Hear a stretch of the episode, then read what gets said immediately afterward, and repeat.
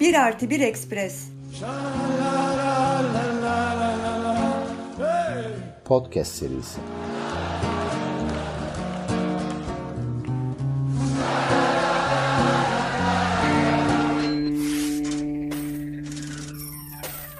Ekonomi politik.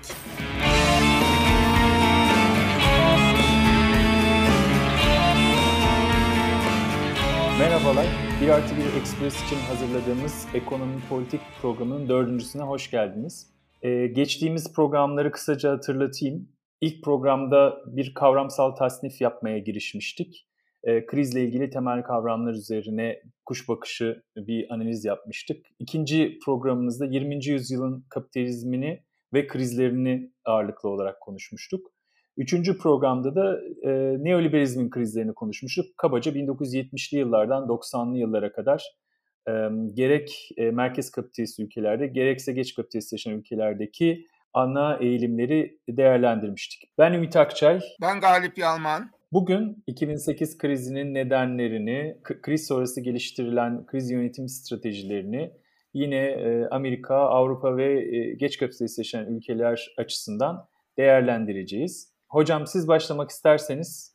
1900'lü yılların son 10 yılı özellikle neoliberal kapitalizmin de giderek küresel bir boyut kazandığı, hatırlanacak olursa e, küreselleşmenin yeni bir çığır açtığı, yeni bir dönem açtığı, Sovyetler Birliği'nin çöküşüyle birlikte liberal aydınların e, dünya düzeyinde büyük bir coşkuyla tarihin sonu geldi gibi içi boş kavramlarla kapitalizmin zaferini muştuladığı bir zaman dilimi 1990'lar bir bakıma bir boyutuyla da bakarsan.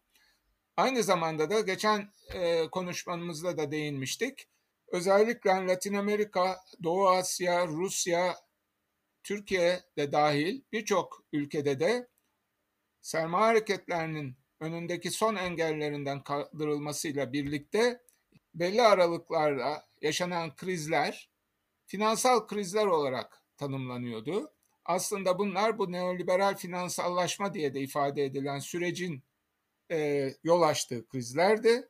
Ancak bu e, sürecin tüm e, kapitalist ülkeler ve artık da 50-60 yıllık bir e, rüyanın gerçekleşmesi anlamında kapitalizmin tüm dünyaya egemen olması anlamında tek dünya sisteminin kurulması şeklinde algılandığı ölçüde bu tarihin sonu muhabbeti aslında onu kastediyordu. Dolayısıyla da e, bu finansal özgürlüklerin tüm katılımcıların lehine sonuçlar vereceği diye de bir önermeyi içeriyordu. Yaşanan krizlerin dolayısıyla da sorumluluğu sistemde değil, tekil ülkelerin bu sisteme uyumda gösterdikleri aksaklıklar, beceriksizlikler, başarısızlıklara atfediliyordu. Dolayısıyla da sonuçta sorunu siyasaldı. Ekonomik mantığa, ekonomik rasyoneliteye uygun olmayan davranışlardı. Şimdi böyle bakıldığı ölçüde de geçen sefer de değinmiştik. Altını bir kez daha çizelim. Yeni bir devlet piyasa anlayışının o günlerin jargonuyla piyasa dostu bir dizi devlet müdahalesinin gerekliliği söz konusuydu. Buna bağlı olarak da devletin yeniden yapılanması diye bir ne diyeyim söylem de giderek belirgin olmuştu. Dünya Bankası'ndan tut bütün uluslararası örgütlerde de OECD vesaire buna yönelik e, çalışmalar yapılıyordu. Aynı zamanda da şunu da vurgulamak lazım. Bu neoliberal sürecin sonuçları toplumun giderek büyük büyüyen nüfusa oranı itibariyle büyüyen kesimleri itibariyle olumsuz sonuçlar verdiği ölçüde de ne yapacağız sorusu ciddi bir meseleydi. Dolayısıyla da toplumsal düzene yönelik risklerle baş etmek bu anlamda kriz yönetiminin önemli bir unsurunu oluşturuyordu. 90'ların sonundan itibaren gündeme gelen terminolojiyle bir risk yönetimi de çok asli bir mesele haline gelmişti sistemin geleceği açısından. Bu risk yönetimi açısından da yapılması gereken şey yine kendilerinin e, değişik biçimlerde ifade ettiği biçimiyle düzenleyici devlet, iyi yönetişim ve benzeri kavramlarla ifadesini buluyordu. Önemli bir boyutta zaten 2000'li yıllardan itibaren çok belirgin olarak gündeme gelecek. Ama 90'lardaki ifadesiyle yoksulluk, toplumsal dışlanma gibi kavramlar üstünden bu risk yönetiminin yani sistemi tehdit etmek edecek boyutlara gelmeden bunun yönetilmesi gerektiği diye bir mesele gündeme geliyordu. 2000'li yıllar boyunca göreceğiz biraz sonra üstünde daha detaylı da dururuz. Özellikle eşitsizliklerin, toplumsal ve ekonomik eşitsizliklerin sisteme yönelik bir tehdit olarak algılanmasına bağlı olarak da bu mesele ciddi olarak gündeme geldi. Günümüzde de pandemiyle de yeni bir boyut kazandı. Dolayısıyla yüzyılın dönüşümünde baktığınız zaman geçen toplantıda söylediğimiz gibi Doğu Asya krizlerin beraber gündeme gelecek olan Doğu Asya meselesinin kendi içinde bir biçimde çözme çabaladıkları ölçüde Latin Amerika'da, Arjantin, Brezilya gibi ülkelerde de ki bunlar IMF programları uygulayan ülkelerdi. Bu IMF programları uygulama sürecinde aynı bizim olduğumuz gibi ki 100 yılın dönüşümü çok ciddi ekonomik ve siyasi kriz e, yılları oldu. Arjantin, Brezilya gibi ülkelerde.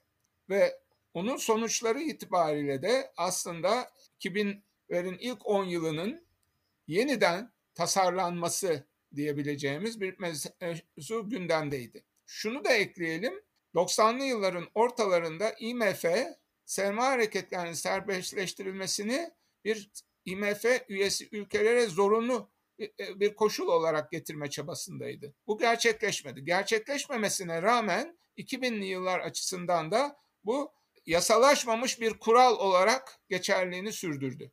Dolayısıyla da bununla bağlantılı olarak da olmazsa olmaz olarak bu yeni düzenleyici siyasal iktidardan görece özerk diye ifade edilen ya da daha kestirme bağımsız diye ifade edilen kurumlar yeni düzenlemenin temel sac ayaklarını oluşturdular. Bunların başında da Merkez Bankası'nın bağımsızlığı meselesi geldi. Ve bu özellikle de senin geç kapitalistleşen diye grupladığın ülkelere yönelik olarak çok önemli bir mesele olarak gündeme getirilmeye çalışıldı. Şimdi böyle baktığımız zaman Latin Amerika yönelik olarak kısaca bir noktayı belirtmek gerekirse döviz kuruyla faiz yani para politikasıyla kur politikasının birlikte nasıl şekilleneceği önemli bir mesele olarak gözüküyor. Bunların bir bakıma öyle söyleyelim dünya ekonomisinin e, sermaye hareketlerinin serbestliği temelinde dünya ekonomisiyle ilişkilerinin nasıl düzenleneceği açısından önem kazanıyordu ve yine ana akım iktisatçıların da kullandığı ama kurumsalcı e, siyasal iktisatçıların da eleştirel siyasal iktisatçıların da değişik biçimlerde tartıştığı bir, bir meseleyle beraber geliyordu. İmkansız üçleme diye de Türkçe'ye de girdi. Dolayısıyla bu imkansız üçleme diye ifade ettikleri şey sermaye hareketleri tamamen serbest olduğu bir e, ortamda para politikasıyla kur politikasını birlikte siyasal iktidarların yürütebilmesinin mümkün olup olmadığı. İmkansız denmesinin nedeni bir yerden taviz vermek zorundasınız. Literatürün ifadesiyle sizin para politikanızı e, o anlamda belirleyebilmeniz aynı zamanda da döviz kurunu dalgalanmalara karşı koruyucu bir şekilde e, düzenleyebilmeniz aynı anda çok mümkün değil. Bunun literatürdeki belli bir ifadesi para politikasını yönetebilme kabiliyetinizin kısıtlanması. Şimdi böyle bakıldığı zaman 90'lı yıllardan 2000'li yıllara ki çalkantıların temelinde bu günümüze kadar uzanan süreçte ortaya çıkan durum beraberinde neyi getiriyor? Beraberinde şunu getiriyor. Devletlerin uluslararası finansal piyasalara yönelik olarak nasıl bir tavır almaları ve bu tür çalkantılara karşı neler yapmaları gerektiği konusunda izlemeleri gereken yolun ne olup ne olmadığı. Şimdi bu yolun ne olup ne olmadığı meselesinde şöyle bir şey önem kazandı. Devletler zaten 80'lerden beri vazgeçilmez şey oydu. Uluslararası finans piyasalarının indinde itibarlı müşteriler olmak durumundaydılar. Borçlanabilir olmayı devam etmeleri. IMF söylemiyle bunun ifadesi neydi? Bugüne kadar süren şey o. Borçların sürdürülebilirliği esas. Yani borçlanabileceksiniz ama aynı zamanda da borçları geri ödeyebilmeniz gerekli. Ki sistem tıkanmasın. Çok sayıda ülkenin borçları ödeyememesi durumunda da sisteme yönelik bir tehdit algısı. Şimdi böyle bakıldığı zaman şöyle bir şey çıkıyor. Aynı zamanda artık uluslararası finans ya da ekonomik ilişkilerin tek aktörü devletler değil. Yeni aktörler söz konusu ve bu yeni aktörler de sadece ve sadece bankalar değil. 1980 sonrasının en önemli değişkeni o. 60'lardan başlayarak ama 80'lerden itibaren çok belirginleşen şey özellikle de gelişmiş kapitalist ülkelerde de başta da Amerika Birleşik Devletleri'nde 2008 krizine giden sürecin de anlaşılması açısından çok önemli olan şey ne? Banka dışı finans kurumları. Değişik başlıklar altında fonlar, çeşitli fonlar vesaire banka dışı aktörler o denli önem kazanıyor ki 2010'lu yıllardan itibaren bunlara yönelik yeni bir terminoloji de gelişiyor. Gölge bankacılık diyorlar. Şimdi bu şu an açıdan da önemli. Artık finans sistemi nasıl düzenlenecek meselesinde devletlerin ve uluslararası aktörlerin finans piyasalarının düzenlenmesi açısından karşılarında yeni sorunlar da var aynı zamanda. Mesele bundan da ibaret değil. O güne kadar üretim faaliyetleri içinde olan diye ifade edilen kapitalist şirketler giderek 2000'li yıllarda daha belirginleşen ama 1990'lardan itibaren giderek temel faaliyet alanlarının dışında kar amaçlı faaliyetlere girişiyorlar. Bunun temel nedeni de aslında üretken faaliyetlerden elde ettikleri karların istedikleri ölçüde öyle söyleyelim artmayışı çerçevesinde uluslararası finans piyasalarının ve borsaların önemli oyuncuları haline geliyorlar. Ve dolayısıyla hisse senetli piyasasından da sınırlı da değil bu. Bir de kendi gereksinim duydukları finansmanı sağlayabilmek için de tahvil ihracı, tahvil piyasaları da çok önemli bir faaliyet alanı oluyor. Kimin için? Normalde finans dışı sayılan üretken faaliyetler içinde bulunan kapitalist şirketler için. Şimdi böyle bir ortamın tanımlanması açısından bakıldığı zaman özellikle eleştirel siyasal iktisatçılar ama onu da e, hakkını verelim. Kendilerini post Keynesyen diye tanımlayan belli bir neoliberal çerçeveye de daha eleştirel yaklaşan ana akım iktisadın içinden gelen bir damar da belli ölçülerde kurumsalcı diye de kendilerini tamamlayan unsurları da var. Bu çerçevede de bakıldığı zaman yeni bir kavram geliyor gündeme. Bu süreci tanımlamak için ona da finansallaşma diye tanımlıyorlar. Şimdi finansallaşma dolayısıyla esas gelir e, ya da kar elde edilen yani şirketlerin varlıklarını sürdürebilmesi için uluslararası finans piyasalarına yönelik faaliyetlerinin öne çıkmasını tanımlamak için kullanılıyor. Ama bu tanım hala da e, sık gönderme yapılan bir tanım olmakla birlikte zaman içinde yeterli bulunmuyor ve özellikle de daha eleştirel e, siyasal iktisatçılar açısından baktığınızda da sistemin temel unsurları olan devlet ve sermaye kesimi arasındaki ilişkilerin yeni bir biçim, yeni bir veçe kazanmasını tanımlamak için bu anlamda da kapitalist sistemin 1900 özellikle 90 öncesinden ya da biraz daha geriye götürenler de var. 80 öncesinden farklı bir nitelik kazandığını vurgulamak için o tabirle söyleniyor. Bir dönemleme aracı olarak e, kullanılan bir kavram haline de geliyor. Yeni bir dönemin ismi, tanımlayıcı unsuru haline geliyor. Yani neoliberal diye ifade edilen dönemin olmazsa olmaz tanımlayıcısı aynı zamanda da bu finansallaşma süreci. Hatta üçleme diyenler de var. Neoliberalizm, küreselleşme, finansallaşma diye de tanımlayanlar söz konusu. Ama ortak kesen çok farklı değerlendirmeler var ama ortak kesenle devlet piyasa ilişkilerinin aynı zamanda da öbür yüzüyle de devlet sermaye emek dünyasına ilişkin yeni bir yapılanmanın söz konusu olması birlikte de beraberinde getireceği şey özellikle de 2008 krizinden sonra e, gündeme gelecek olan tartışmada ne? Sermayenin kendi iç katmanlarının ya da sermaye kesimi içi ilişkilerin yeni bir biçim, yeni bir boyut kazanıp kazanmadı. Son bir nokta söyleyip sözü sana bırakayım. Burada kadim bir kavram da değişik biçimlerde gündeme geliyor ve tartışmalarda yer alıyor. O kavramda 20. yüzyılın ilk çeyreğindeki emperyalizm teorileri ve kapitalizmin 20. yüzyılın başlarında kazandığı özellikleri vurgulamak için farklı e, kuramcıların ve eylemcilerin diyeyim e, referans e, e yaptığı finans kapital kavramı. Finans kapital kavramını 20. yüzyılın başındaki şey itibariyle bakarsanız banka sermayesi ile sanayi sermayesi arasındaki ilişkilerin çok grift bir nitelik kazanması ve banka sermayesinin özellikle faşizm öncesi Almanya itibariyle tartışıldığı ölçüde de sanayi sermayesinin yönlendirici bir konumda bulunması. Ve bunu kapitalizmin geneli içinde e, genellemeye müsait bir biçimde emperyalizm tartışmalarıyla birlikte sıkça vurgulandığını hatırlıyoruz. Günümüzde yani 20. yüzyılın bitip 21. yüzyılın başladığı zaman dilimi içinde finans kapitalin artık geçerliliğini yitirdiği argümanı bu finansallaşma tartışmalarının bir boyutunu oluşturuyor. Özellikle de finans e, yani banka sermayesiyle sanayi sermayesindeki ilişkilerin değişime uğradığı, e, eskisine benzer bir entegre iç içe geçmenin artık günümüz kapitalizmini tanımlamak için yeterli olmadığı. Ona mukabil tam tersine sanayi kesiminin de özellikle çok büyük e, şirketlerin,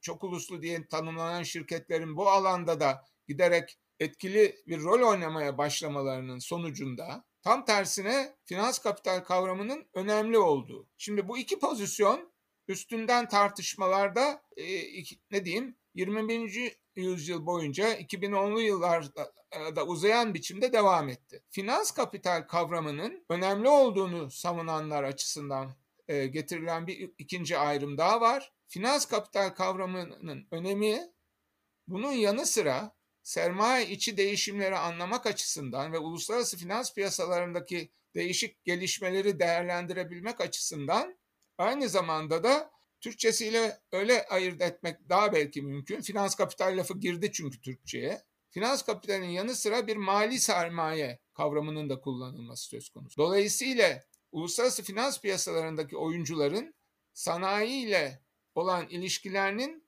niteliklerinin farklılaştırılmasına bağlı olarak doğrudan doğruya üretken faaliyetler içinde olmayan belli bir uluslararası finans kesimini ifade etmek için de bu mali sermaye kavramının giderek tartışmalarda ya da bu finansallaşma sürecinin değerlendirilmesinde önemli bir rol oynadığını da vurgulamak gerek. Güzel bir e, toparlama oldu. Gerek finansallaşma tartışmalarını gerekse e, geçtiğimiz programdan kaldığımız yerle bugün konuşacaklarımız arasındaki bağlantıyı kurmak, kurmak açısından.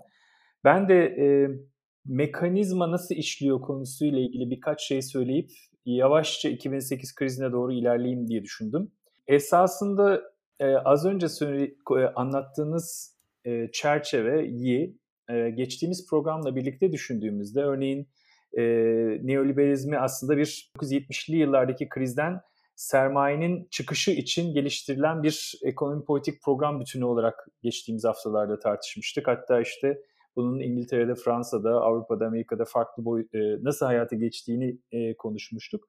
Şimdi bütün o sürecin sonucunda ne gerçekleşti diye baktığımızda bir e, gelir dağılımında yapısal bir değişim oldu bütün bu hikaye sonucunda, bütün bu süreç sonucunda, neoliberalizm 1980'ler 90'lar sonucunda e, ve karşımızda ücret payının azaldığı ve en zenginlerin payının giderek daha da yükseldiği kesin net bir e, ayrımın ortaya çıktığı bir e, yapı ortaya çıktı. Gelir dağılımında yapısal bir değişim. E, ikincisi bununla bağlantılı belki de siz az önce değindiniz faaliyet dışı kar konusuna. Reel sermaye stoğuna olan yatırımın azalması konusu. Yani e, yatırımların genel olarak azalması konusu. Bu e, tabii firmalar açısından daha uzun dönemli e, e, yatırım e, perspektifi yerine daha kısa dönemlik e, getiri sağlayan faaliyetlere geçiş de e, geçiş olarak da tanımlanıyor. E, dolayısıyla bu ikinci konuda e, yatırımların azalması. Şimdi bu ikisi birleştiğinde karşımıza şöyle bir şey çıkıyor. Yine siz e, az önce belirttiniz post Keynesyenler bu noktayı biraz daha vurgulayarak söylüyorlar. Gelir dağılımındaki değişim, e, sermaye lehine, emek payının azalması şeklinde gerçekleşen değişim e, düşük yatırımlarla birleştiğinde karşımızda e, toplam talebin baskılandığı ve dolayısıyla büyümenin e, düşük seyrettiği bir e, periyot ortaya çıkıyor, bir sonuç ortaya çıkıyor. Şimdi gelir dağılımındaki bozulma, yatırımların azalması ve bunun sonucu olarak düşük büyüme performansı 1900 1990'ların e, sonunda belki de 2000'li yıllara baktığımızda merkez kapitalist ülkeler için özellikle Amerika ve Avrupa için karşılaştırdığımızda e, farklı büyüme patikaları e, ortaya çıkardı diyebiliriz baktığımızda e, kapitalist ülkeler açısından. Bir tanesi daha şimdi yoğunlukla konuştuğumuz borç temelli borç çekişli ya da büyüme modelleri. E, burada şöyle bir kritik bir şey yaşanıyor. Belki de finansallaşma tartışmasının benim önemli gördüğüm vurgularından biri bu. Borçlanma konusu. Borçlanmanın her düzeyde hane halkı, firma ve devletler düzeyinde borçlanmanın giderek artıyor olması. E, burada şöyle bir şey var. E, az önce özetlediğim çerçeve içerisinde bu eksik talep sorununu diyelim ya da daha başka bir terminolojiyle kullanırsak kar oranlarının düşmesi sorununu, e, realizasyon sorununu ya da diyelim e, çözmek için borçlanma devreye sokuluyor. Yani aslında burada daha 1945-70 arasında, 45-80 arasında var olan e, gelir ile harcama arasındaki bağlantının e, 1970'lerdeki kriz sonrasında koptuğunu, enflasyon karşıtı politikaların geliri baskılarken yani reel ücretleri neredeyse sabit tutarken e, harcamanın nasıl devam edeceği sorusuna borçlanmayı devreye sokarak e, yanıt verdiğini görüyoruz. Yani aslında bu finansallaşma tartışmaları bir yanıyla enflasyonun düşürülmesinin e, eksik talep sorununa neden olmayacak şekilde nasıl e, hallolabilir e, sorusuna borçlanmayla e, yanıt verdiğini görüyoruz. Yani insanların reel ücretleri artmasa da e, borçlanabildikleri oranda harcamaya devam ettikleri e, sürece e, talep canlanabilir e, perspektifi bütün bu 90'lar, 2000'ler, hatta 2010'ları belirledi. Bunlar bir işin bir tarafıydı. Borç temelli e, rejimler. Şimdi burada kritik bir şey, e, siz de sözünü ettiğiniz deregülasyon meselesi. Yani borç temelli birikimin ya da borç çekişli diyelim, birikimin mümkün hale gelmesini sağlayan kurumsal, hukuksal düzenlemeler. Bu özellikle 1990'larda Amerika'da daha belirgin bir şekilde ortaya çıkıyor. Bazı yazarlar yeni finansal mimari olarak adlandırdı. Biz de Ali Rıza Güngen'le yazdığımız kitapta benzer şekilde değerlendirmiştik.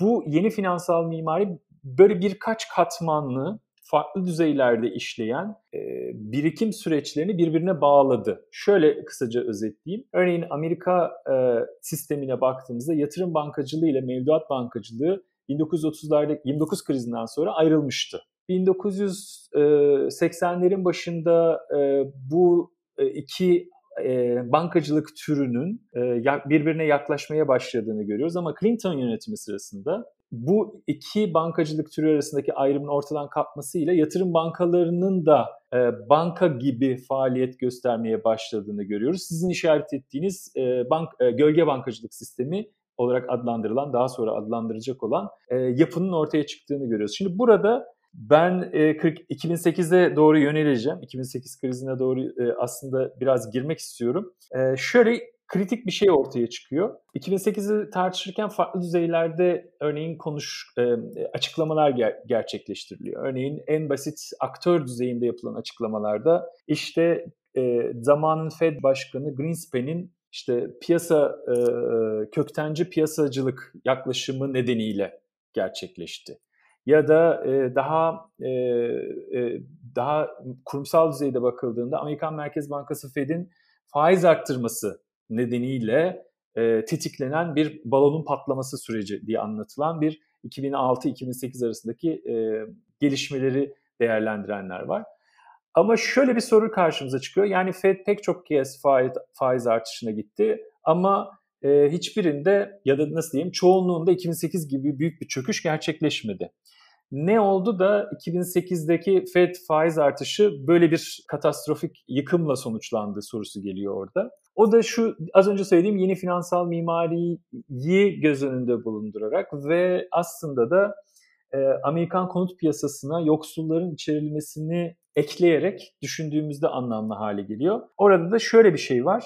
E, Amerika'da geleneksel olarak işte Afro-Amerikalılar, e, belirli bir gelirin altında olanlar, göçmenler konut piyasasından dışlanmış durumda e, 1990'lı yıllara kadar.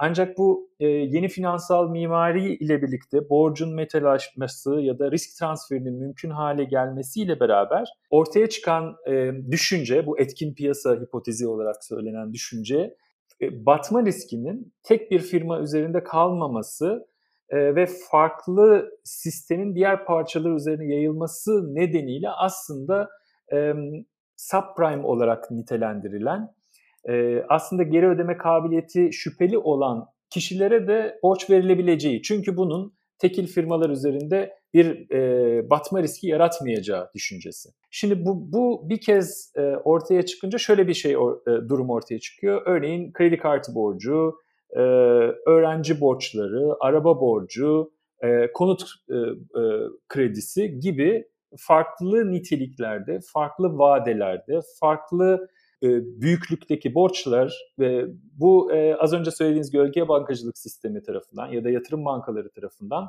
toparlanılıyor. Bir havuz içine konuluyor. E, bu havuz içindeki gelir akımlarına dayanılarak yeni ürünler elde ediliyor. Buna türev ürünler de olarak isimlendiriliyor. Bu türev ürünler de daha kurumsal yatırım, yatırımcılar tarafından satın alınıyor. Dolayısıyla e, ya da sizin az önce sözünü ettiğiniz e, firmalar tarafından, e, reel sektördeki firmalar tarafından da satın alınabiliyor. Dolayısıyla burada şöyle bir şey karşımıza çıkıyor. İnsanlar borçlarını ödemeye ödemeyi sürdürdüğü müddetçe o e, gelir akımına dayanarak e, türetilen yeni finansal ürünleri satın alanlar kar etmeye devam ediyor. Ancak bütün bu şey, bütün bu finansal mimari e, borçların borç borçluların borçlarını ödemeye devam etmesiyle e, bağlı. Devam etmedikleri sürece bütün sistem bir anda çökebiliyor. Aslında 2008 krizinde e, gerçekleşen e, biraz da buydu ve fa- Fed'in faiz artışı neden önceki krizlerde e, böyle büyük bir çıkış e, çöküşe neden olmadı da 2008'de neden oldu sorusunun e, yanıtı biraz da burada. Çünkü e, e, bu subprime olarak değerlendirilen yoksulların konut piyasasına dahil edilmesiyle ortaya çıkan borçlar ve borçlular e, bir süre sonra faizler artışı arttınca borçlarını ödeme, ödeyememeye başladıklarında ona dayanarak türetilen ürünlerin de değersizleştiği bir anda e, görüldü ve bütün sistem e, bunun üzerine kurulmuş bütün sistem bir anda çökmüş oldu. Ha şey, şeyi söyleyecektim. Yani e, bu mekanizmayı aklımızda tutarak e, e, 2008'i konuşmak benim her zaman e, işimi kolaylaştırıyor. Yani 1970'li yıllardaki e, krizle de dolayısıyla bağlantısını aklımızda tutarak.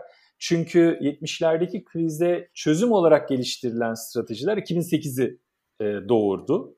E, o da az önce söylediğim e, e, gelir dağılımındaki yapısal değişim, düşük yatırım ortamı, e, buna karşı olarak bu borç temelli rejimlerin ortaya çıkması ve buna bağlı olarak da e, deregülasyon ve sonuç olarak karşımıza çıkan yeni finansal mimari, onun içerisinde geliştirilen e, bu finansal mühendislik işlemleri ve sürekli geleceğe kaçarak sermayenin aslında e, ertelediği krizlerle bir sonraki dönemde yüzleşmemiz. Benim aklımda böyle bir şema oldukça daha e, kolay anlı, anlıyorum ya da anlatıyorum. Şunu ekleyeyim. Şimdi aslında 1980'lerin sonundan başlayıp 90'lar boyunca ge- geliştirilmek istenen şey ne? Piyasa dostu devlet. Aynı zamanda da piyasanın daha iyi işlemesi için belli düzenlemeleri yapmakla yükümlü devlet.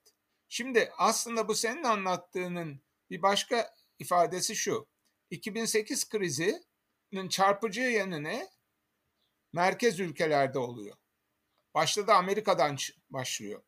Halbuki 80'lerden 2008'e kadarki şeyin tanımlayıcı özelliğine daha çok işte ne derler bu uluslararası finans piyasalarından borçlanmak zorunda kalan ülkelerin yaşadıkları krizler. Doğu Asya, Latin Amerika, Rusya, Türkiye vesaire.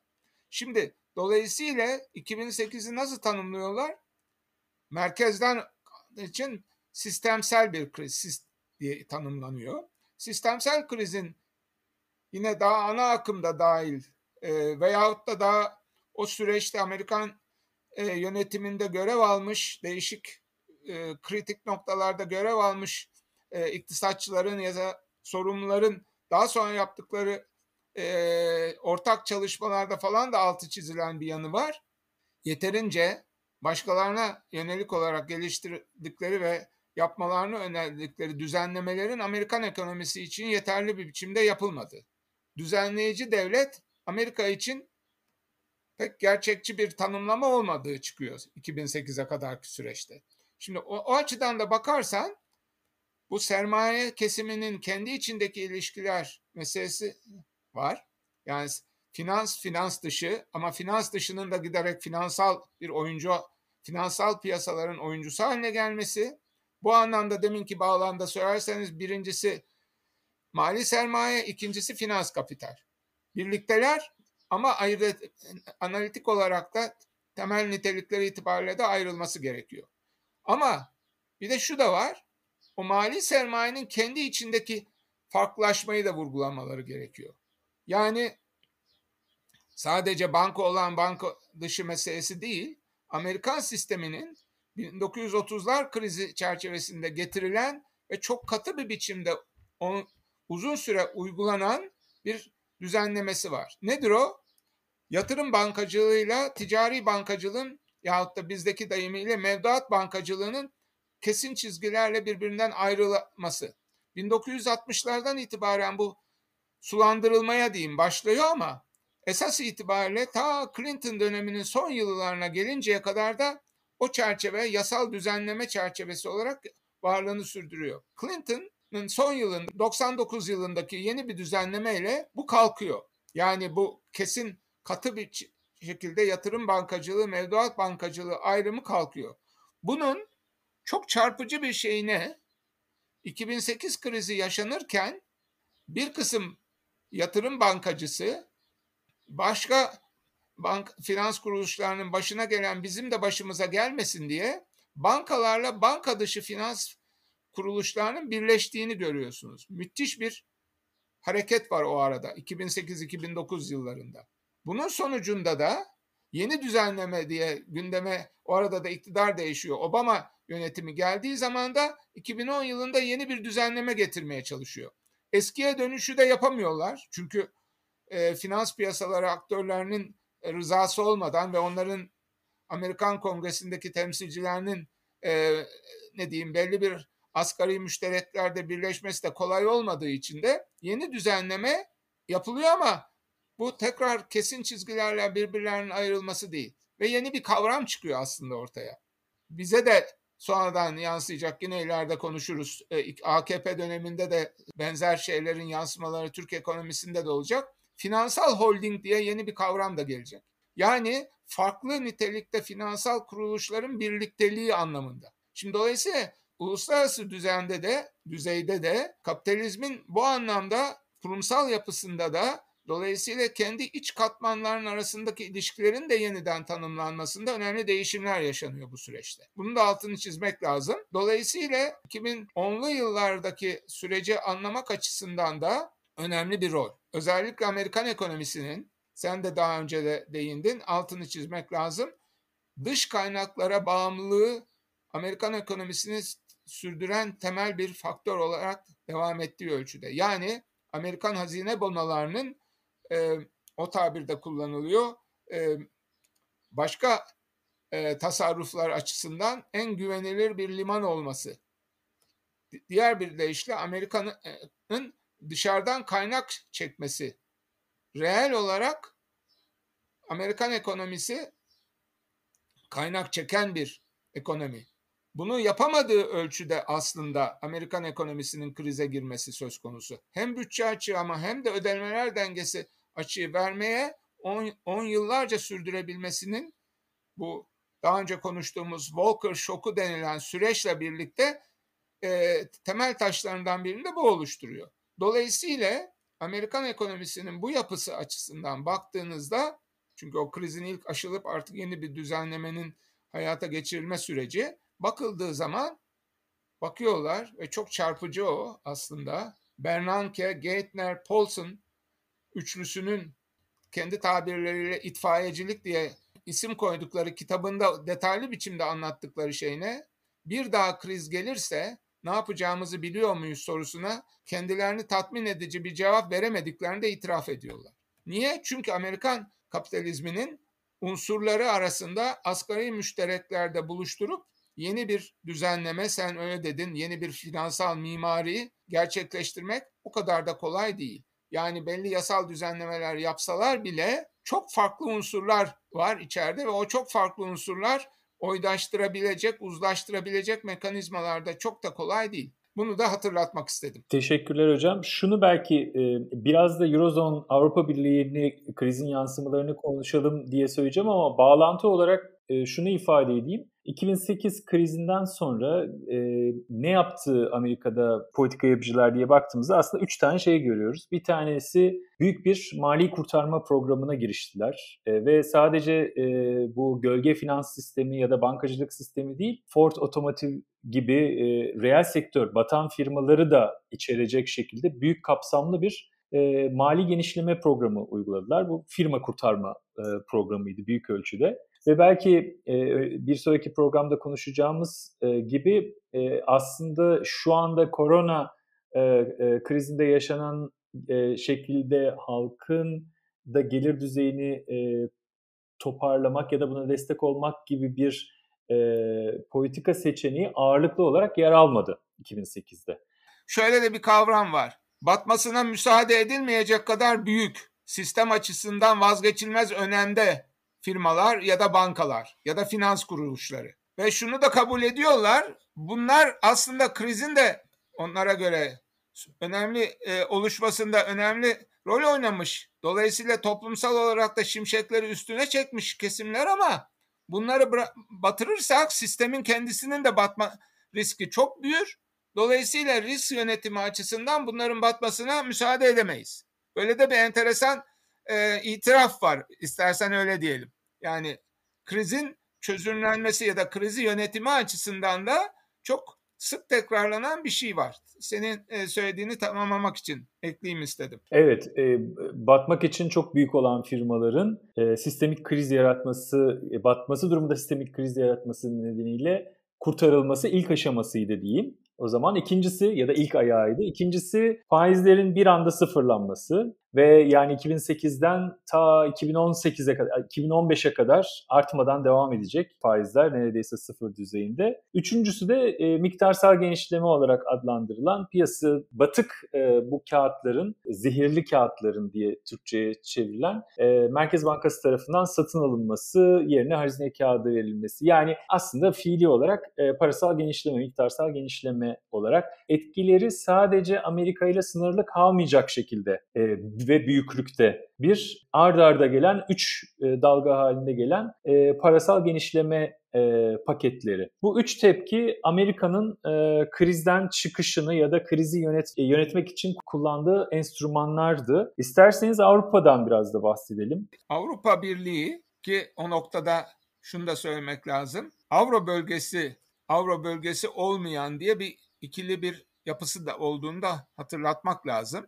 E, o açıdan da Amerika'nın yaşadığı krizin hemen hemen eş zamanlı olarak yaşandığı bir Avrupa Birliği ülkesi var. O tarihte öyle artık değil. Birleşik Krallık. Birleşik Krallık'ta da aynen paralel bir biçimde bu kurtarma operasyonları da gündeme geliyor. O sırada henüz iktidarda Tony Blair değilse bile e, onun en yakın e, Maliye Bakanı olup sonradan Başbakan olacak Gordon Brown Başbakanlığındaki İşçi Partisi hükümeti bir yandan Bretton Woods 2 diye ifade edilen yeni bir mimari arayışının e, bayraktarlığını yapıyor. Çok bir yere gitmiyor. Ama öbür yandan da tövbe tövbe diye dalga geçilebilecek bir biçimde banka kamulaştırmalarına gitmek zorunda kalıyor. Batmak zorunda olan firmaların, e, bankaların ya da e, finans kuruluşlarının irili ufaklı kamulaştırılması tekrar gündeme geliyor. Ve na işte bu solcular ne yapıyor diye de kimse bir şey demiyor. O da çok çarpıcı. Ve ilk defa da olmuyor tabii. Yine daha önce de belki de inmiştik. 80'li yıllarda da Pinochet Şilisi'nde de kriz döneminde bankalar yine kamulaştırılabilmişti. Bir süre sonra özelleştirilmek üzere. Yani devletin bu anlamda kurtarma operasyonları sistemin işlemesi açısından acil bir çözüm mekanizması olarak gündeme geliyor. Ama bunun da bir maliyeti olduğu için bu maliyetin de yani kamu bütçesinde giderek büyüyen bir açığa neden olduğu durumda neoliberal anlayışa göre müsaade edilmemesi gereken bir durum olduğu için kamu bütçesinin açığının kontrol altına alınması ve mümkün olabildiğince hızlı bir biçimde de azaltılması diye bir temel anlayış da var. Şimdi bu anlayışın çarpıcı biçimde yaşandığı yer neresi?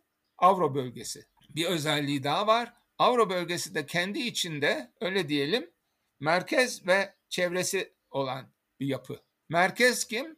Kabaca öyle söyleniyor. Kuzey yani Almanya ve diğer Kuzey Avrupa ülkeleri.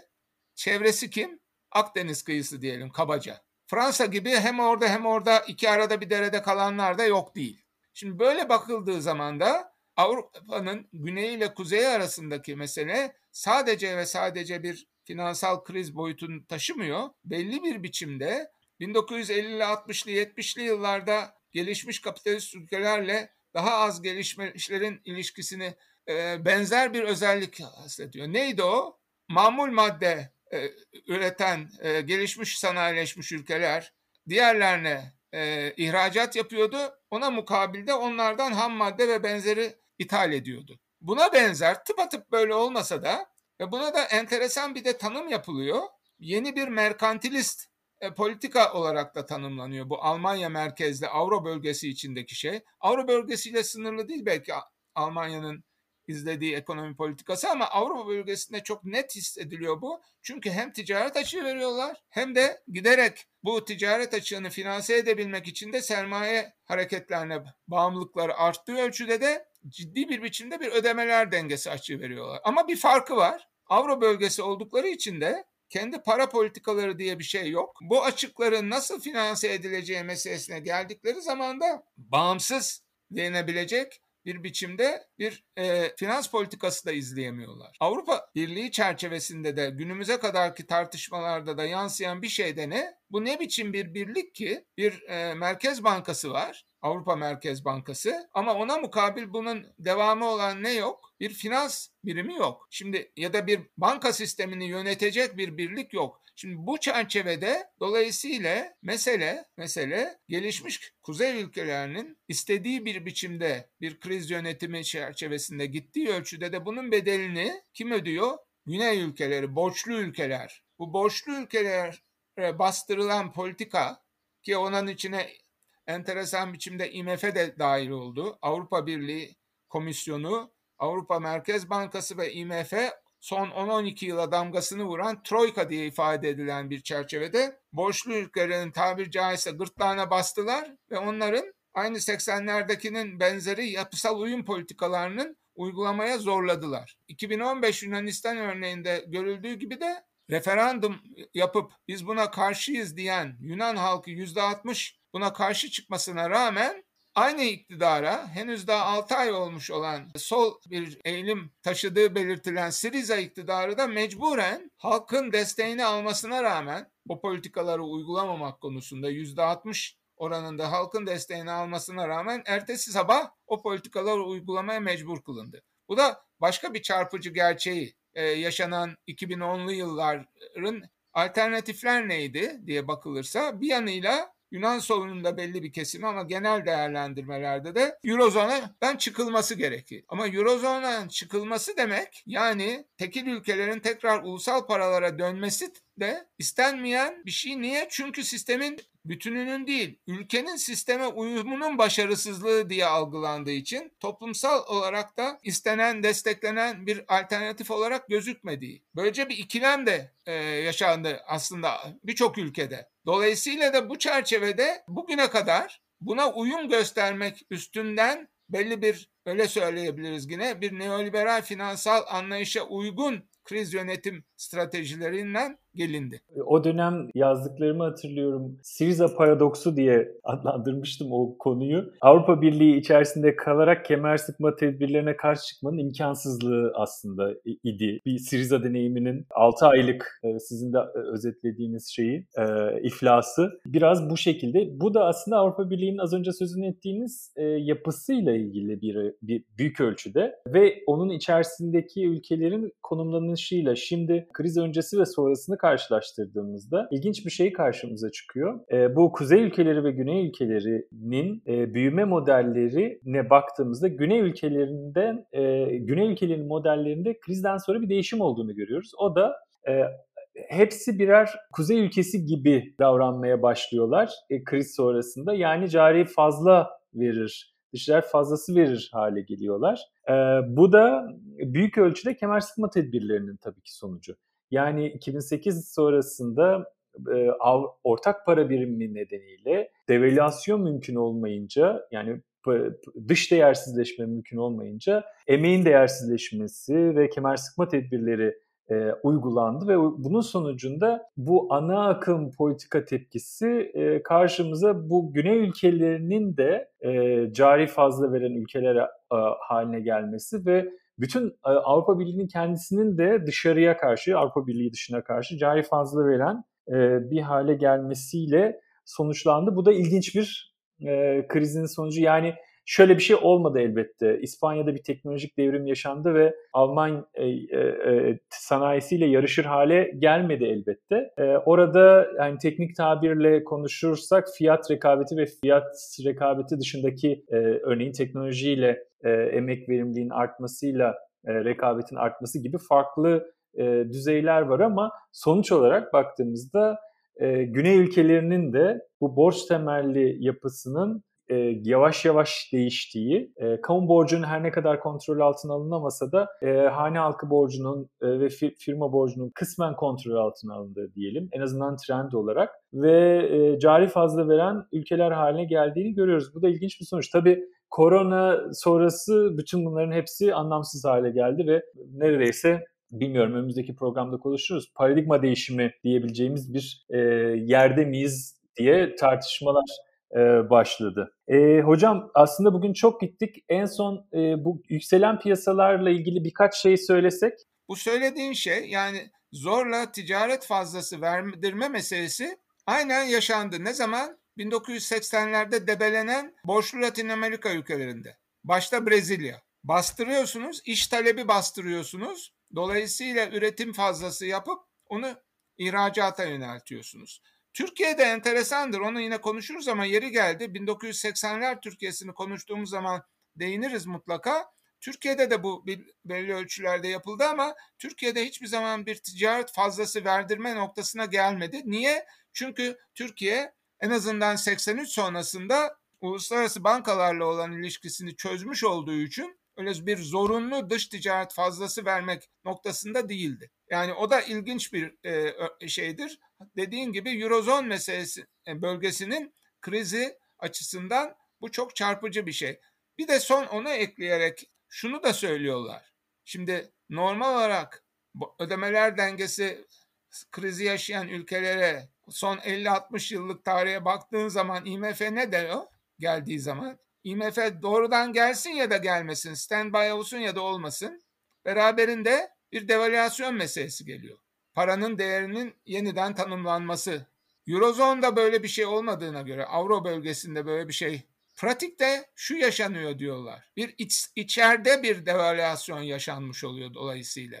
Yani bu temel sıkma politikalarının sonucunda insanların alım gücünün düşmesine bağlı olarak ve ticaret fazlası vermeye zorlandıkları noktada aslında fiilen bir devalüasyon yaşanmış gibi oluyor. Çünkü insanların alım gücü de düşüyor. Büyük toplumun önemli bir kesiminin. Bunu da böyle bir içsel e, devalüasyon diye niteleyen analizlerde e, söz konusu. Onu da belirtmek istedim. Aslında Eurozone'un küçük bir altın standardı olarak işlediğini de söyleyenler var.